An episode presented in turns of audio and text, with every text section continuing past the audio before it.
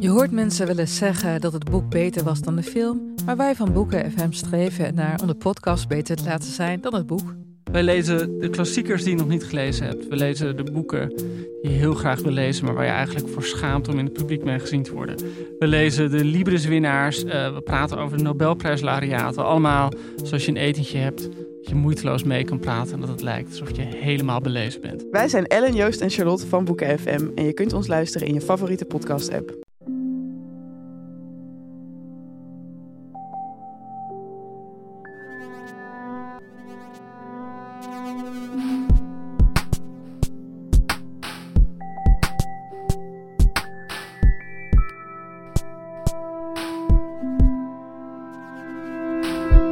Is Relaas, waarin mensen een verhaal vertellen over iets dat ze zelf hebben meegemaakt. En sorry voor de dames vandaag, maar het verhaal dat je nu gaat horen, dat gaat over een van de grootste zwaktes van de man.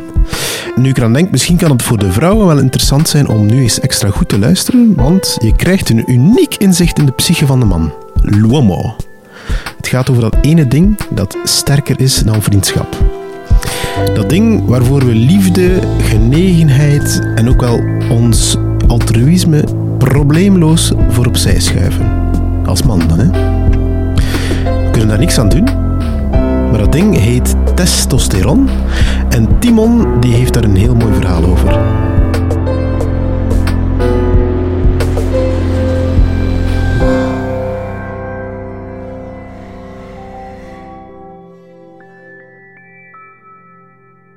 Ik heb nog nooit een gevecht gewonnen. Ik heb ook nog niet zo vaak gevochten. Ik heb gewoon al een paar keer klop gehad. Ik vind, dat, ook, dat zit ook niet in mij. Ik ben, ik ben geen vechter. Ik vind dat ook getuigen van zeer ehm, weinig intellect. Als je het met woorden niet kunt oplossen, om dat dan agressief met, met, met lichaam te moeten gaan doen. Um, maar ik heb dus wel al een paar keer klop gehad. Uh, de allereerste keer, ik was, ik was 13, 13 jaar, 13, 14 jaar, en ik, eh, ik zat in het middelbaar en ik liep door de gang, de les was gedaan. Ik ging naar mijn volgende les en ik loop op een trap en de trap was heel druk en ik, ik stoot per ongeluk met mijn schouder tegen iemand en dat was de verkeerde duw op het verkeerde moment voor die mens. Die dacht dat ik dat expres deed waarschijnlijk en die draait zich om en die geeft mij een mot op mijn gezicht. En, en ik sta daar en denk, maar allee. wat, is, wat dat nu? Waarom doe je dat nu? Een mot op mijn lip, maar geen reactie. Ik had zoiets van, allee, dat, is dat doet niet. En de tweede keer liep ik rond op een fuif en ik had een, ik had een pint vast en ik loop door de zaal en ik loop per ongeluk terug tegen iemand. Nu, het klinkt alsof dat een gekke hobby is van mij, tegen mensen lopen. Maar ik stoot terug iemand met mijn schouder, per ongeluk, uh, aan de kant. En die, dat moet de verkeerde duw op het verkeerde moment zijn geweest, want die mens draait zich om en die giet een volledig pint. Die had ook een pint van, die giet dat volledig op mij. En ik zeg, maar, maar allee. en ik sta daar en, en die er nog niet genoeg van, geef me nog een mot uh, op mijn lip. Ik heb nog een mot op mijn lip. En ik sta daar en denk van, hi, hi gasten. Ja. Naar de NIABO gegaan, mijn lip een beetje gezwollen. Um, maar de derde keer heb ik, heb ik klop teruggegeven. En... Um, en daarvoor moet ik u meenemen naar september 2012. En in september 2012, ik was toen um, vrijwilliger bij een, een, radiostation hier in Gent. En um, het was september en het eerste grote event dat eraan kwam was de, de Student Kick-Off. En de Student Kick-Off, we gingen iets nieuws lanceren. We hadden namelijk een nieuwe cultuurwebsite gemaakt.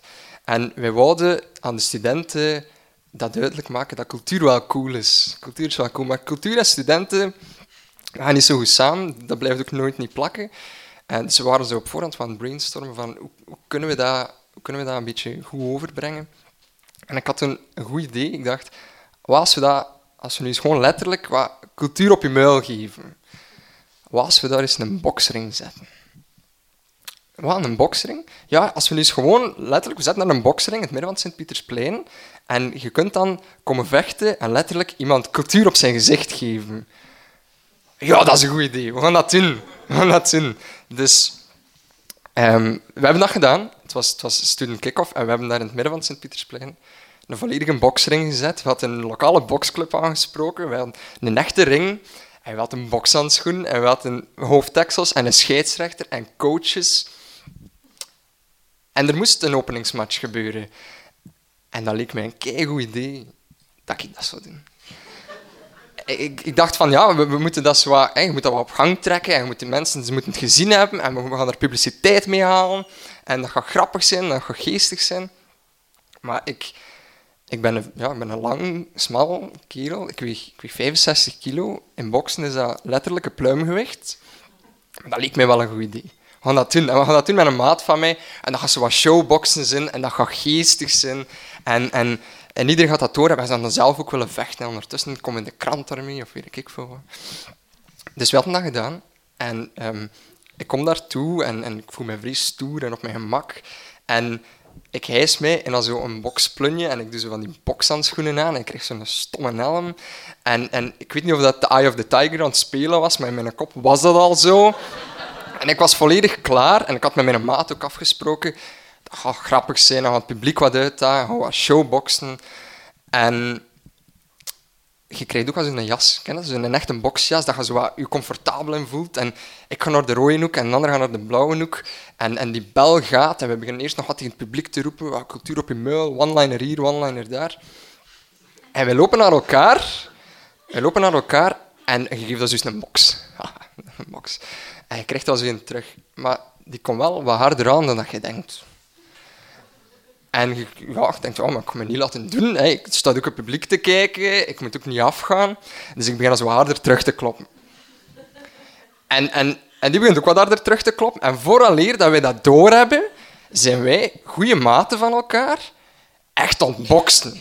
Echt, echt erop aan het kloppen voor, op leven en dood. En, en dat was allemaal wel grappig, maar ik weet niet of, dat, of dat er iemand zit die ooit al gebokst heeft. Maar boksen dat is verschrikkelijk vermoeiend. En als je dat niet kunt, dan ziet dat er ook verschrikkelijk belachelijk uit.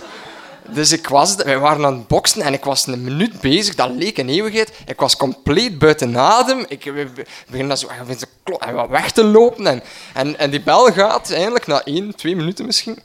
En ik kruip terug in mijn hoek. En, en de scheidsrechter hij komt zo eens even kijken. En mijn coach is tegen mij bezig. Ja, je bent niet aan het boksen, hè. je moet, je best doen. Je moet je, je dekking hoog houden, en je moet dansen, en je moet springen. En dus fly like a butterfly, bla bla bla, Muhammad Ali. Um, en ik dacht, ja, ja, jij wel gemakkelijk praten. Het is wel, is vermoeiend, hè. En, en ik, en maar ondertussen, het is wel een coach, dus die vuurt mij aan. En die zegt, ah, je moet ervoor gaan. En je hebt hem wel. Ik zeg, ja, je hebt gelijk, je hebt gelijk. Zet me terug recht, vol goede moed. En ik loop terug naar mijn maat en hij begint echt terug te boksen. En dat is terug zielig en dwaas. En iedereen lacht er zo wel wat mee. Maar het publiek is wel mee en er komt steeds meer volk. En ik hou dat terug een halve minuut vol.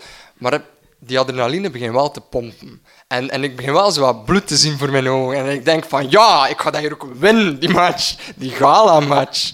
En ik, de bel gaat terug en ik kruip terug in mijn hoek. En die coach zegt... Zeg, die ander die kan ook niet boksen. Hè? Die houdt zijn dekking veel te hoog. Je moet, weet wat je moet doen? Je moet zijn maag mikken.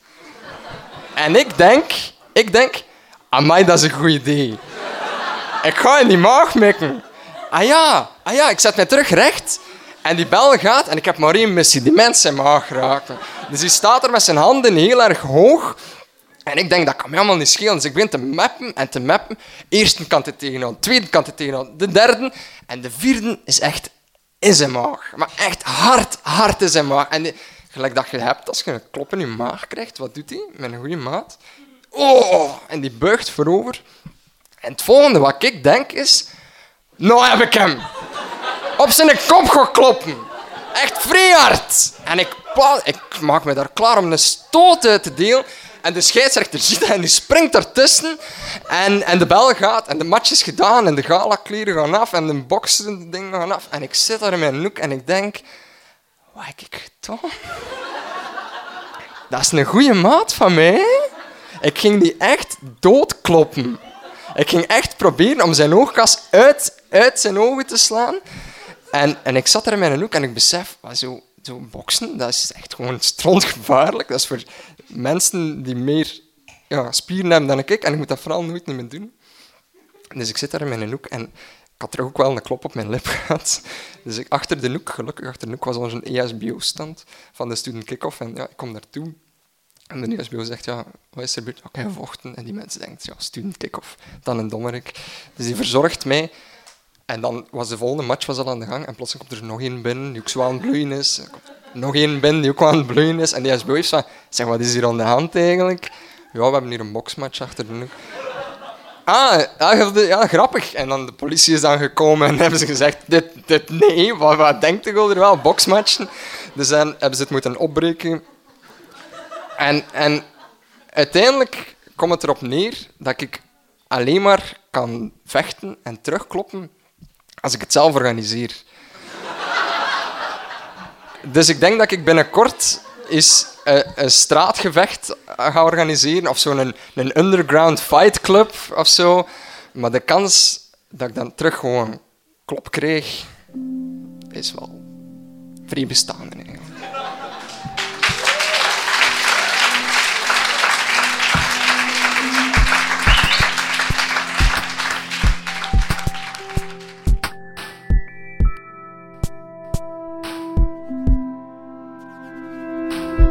Dat was het relaas van Timon. Hij vertelde het eind 2016 in Huset in Gent. Timon, dat is eigenlijk een hele freile jongen. Helemaal niet het vechterstype en zeker geen bokser. En daarom klonk dat verhaal nog eens zo grappig uit zijn mond. Als je de foto's wil zien van Timon, dan kan dat. Hij staat nu op onze website en ook op onze Facebook.